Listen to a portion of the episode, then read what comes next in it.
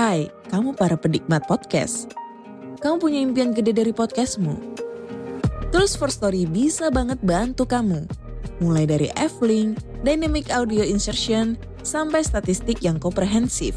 Semua ada di First Story. Gak ketinggalan kamu bisa monetisasi podcastmu lewat iklan dari First Story Ads yang bisa kasih kamu penghasilan dari setiap place podcastmu. Yuk gabung sekarang dengan klik di firststory.me. Sekali lagi, klik di firststory.me.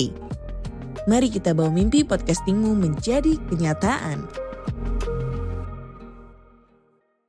Halo para pendengar, apakah kalian pengen membuat podcast seperti saya tapi bingung mulai dari mana? Nah, saya membuat podcast ini dengan First Story, sebuah platform untuk membuat podcast yang UI-nya keren, lengkap, mudah digunakan, banyak fiturnya dan 100% gratis. Di sini kalian bisa upload episode podcast kalian ke semua platform podcast terkenal tanpa ribet. Menariknya lagi, di First Story kalian juga bisa melakukan monetisasi podcast kalian melalui iklan. Jadi tunggu apa lagi? Gapai potensi maksimal podcastmu dengan tools dari platform podcast terbaik bagi podcaster yang tersedia saat ini. Yuk, bawa mimpi podcastingmu menjadi kenyataan dengan mendaftar di firststory.me.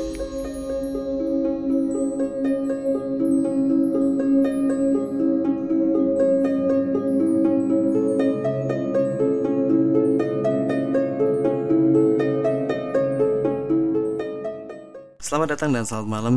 Kembali lagi saya Denny Narator dari podcast Rumah Horor Indonesia RHI Menyapa sobat RHI sekalian Semoga kalian semua berada dalam keadaan yang sehat Urusannya lancar dan banyak rezekinya.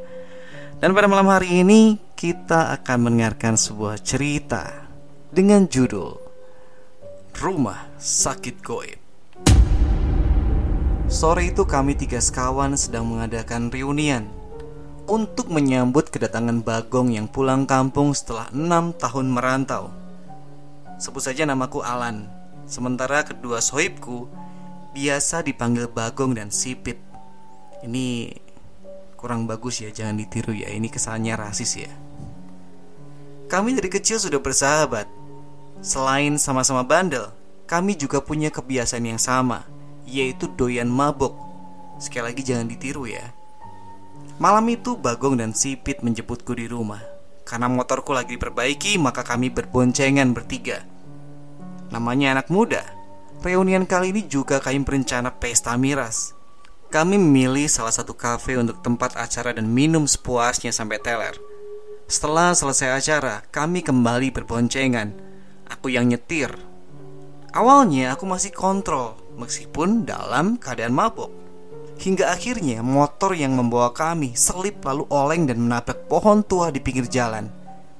Entah apa yang terjadi karena waktu itu aku pingsan. Tahu-tahu aku sudah berada di sebuah rumah sakit dengan balutan di kepala. Gimana dengan Bagong dan Sipit? Mereka berdua ke mana? Aku sendiri kurang tahu. Karena setiap kali aku mau mengangkat kepala, rasa pening menderaku. Kamar tempatku dirawat terdapat empat ranjang pasien, termasuk yang aku pakai yang satu kosong sementara yang tiga lainnya terisi. Tiap ranjang hanya dipisahkan korden berukuran sekitar 2 meteran.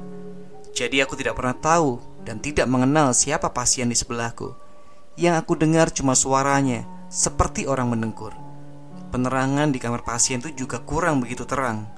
Tidak seperti kamar-kamar di rumah sakit pada umumnya. Kemudian terdengar suara pintu berdecit. Aku palingkan muka ke arah siapa yang datang. Ternyata seorang suster cantik. Kuperhatikan suster itu menuju ke salah satu pasien yang paling pojok. Entah apa yang dilakukannya, karena pandanganku terhalang korden. Tak lama kemudian, suster itu keluar kamar dan beberapa menit kemudian kembali lagi dengan dua suster lainnya sembari membawa keranda mayat. Jantungku berdegup hebat. Aku ketakutan, ngeri, karena baru kali ini aku melihat orang meninggal di rumah sakit. Ditambah lagi, sekamar denganku. Suster tersebut membawa mayat pasien itu keluar. Sekujur badannya ditutupi kain penutup mayat, hanya kepalanya saja yang dibiarkan terbuka. Aku terus memperhatikan. Saat mayat pasien itu didorong tepat di depanku, tiba-tiba mayat itu seperti membuka matanya dan melotot ke arahku. Aku kaget bukan kepalang, ketakutan menghimpitku. Aku kucek-kucek kedua mata, berharap itu hanya sekedar halusinasi Mengingat kan aku masih dalam keadaan mabok.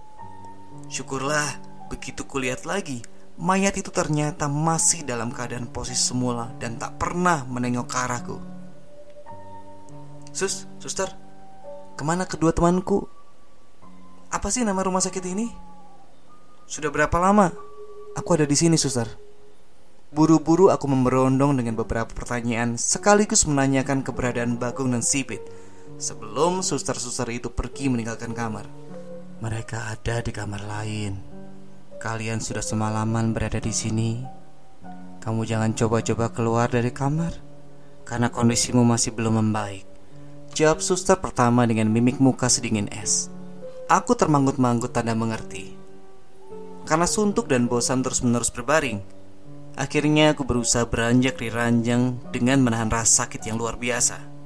Karena penasaran, aku menyibak korden pasien sebelah. Keadaan pasien itu sungguh mengenaskan. Mukanya penuh luka. Sebagian hidungnya terlihat tulang dan kulitnya entah ke mana. Mungkin mencium aspal saat kecelakaan. Sementara cairan infusnya juga bercampur darah. Apa dia koma? Pikirku saat itu. Kenapa dengan wajahmu, Bung? Aku bertanya. Tapi pasien itu tetap diam, tak bersuara.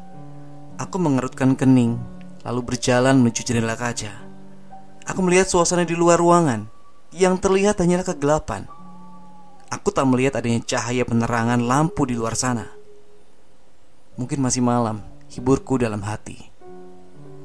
Aku mencoba mengingat kejadian awal saat kecelakaan malam itu. Tapi gagal. Memori otakku seakan hilang. Tiba-tiba bulu kuduku meremang. Telingaku mendengar suara yang memanggil-manggil namaku. Alan, Alan, keluar kamu. Keluar dari rumah sakit ini. Beberapa kali aku mendengarnya, aku memberanikan diri mencari asal suara itu. Sepertinya dari luar kamar.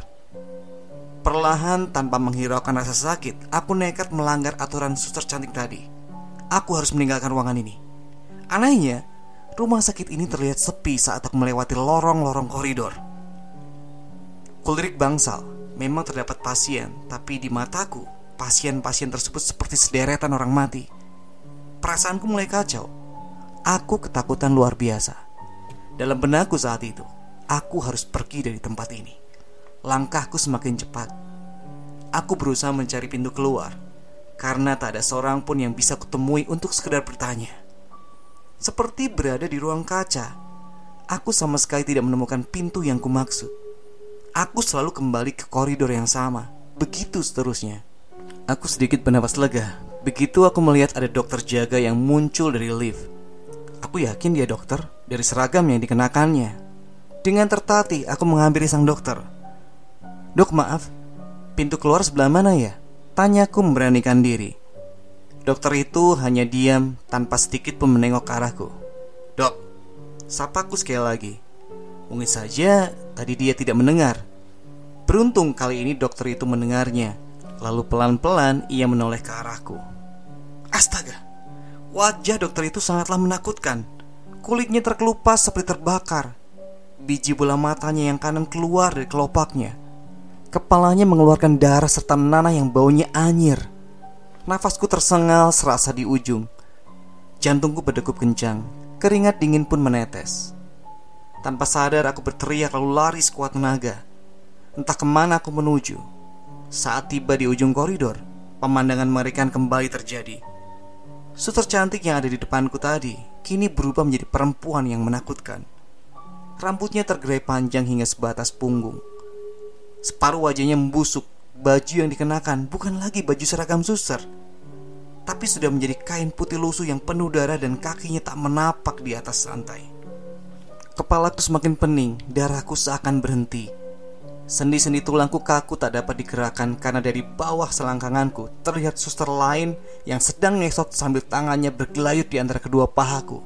Sementara dari ujung koridor yang lain, keranda mayat melaju sendiri tanpa didorong oleh siapa pun. Aku berteriak histeris, aku kalap. Aku betul-betul ketakutan luar biasa. Hingga aku tak sadarkan diri. Gelap. Entah berapa lama aku pingsan Ketika sadar, aku tak lagi berada di rumah sakit, melainkan di areal pemakaman umum yang terkenal keangkerannya. Bagong dan Sipit masih terletak pingsan di sampingku. Tubuh mereka penuh dengan luka. Motor yang kami pakai ringsek tepat di bawah pohon tua. Berarti aku mungkin ngebawa motor itu masuk ke sebuah makam lalu menabrak pohon. Mungkinkah mereka juga mengalami hal yang sama dengan yang aku alami tadi? Lalu sudah berapa hari aku tak sadarkan diri? Aku pun tak tahu. Setelah mereka sadar, akhirnya kami pun bercerita. Bagong dan Sipi ternyata juga sempat singgah ke rumah sakit itu dan mengalami kejadian yang sama seperti yang aku alami.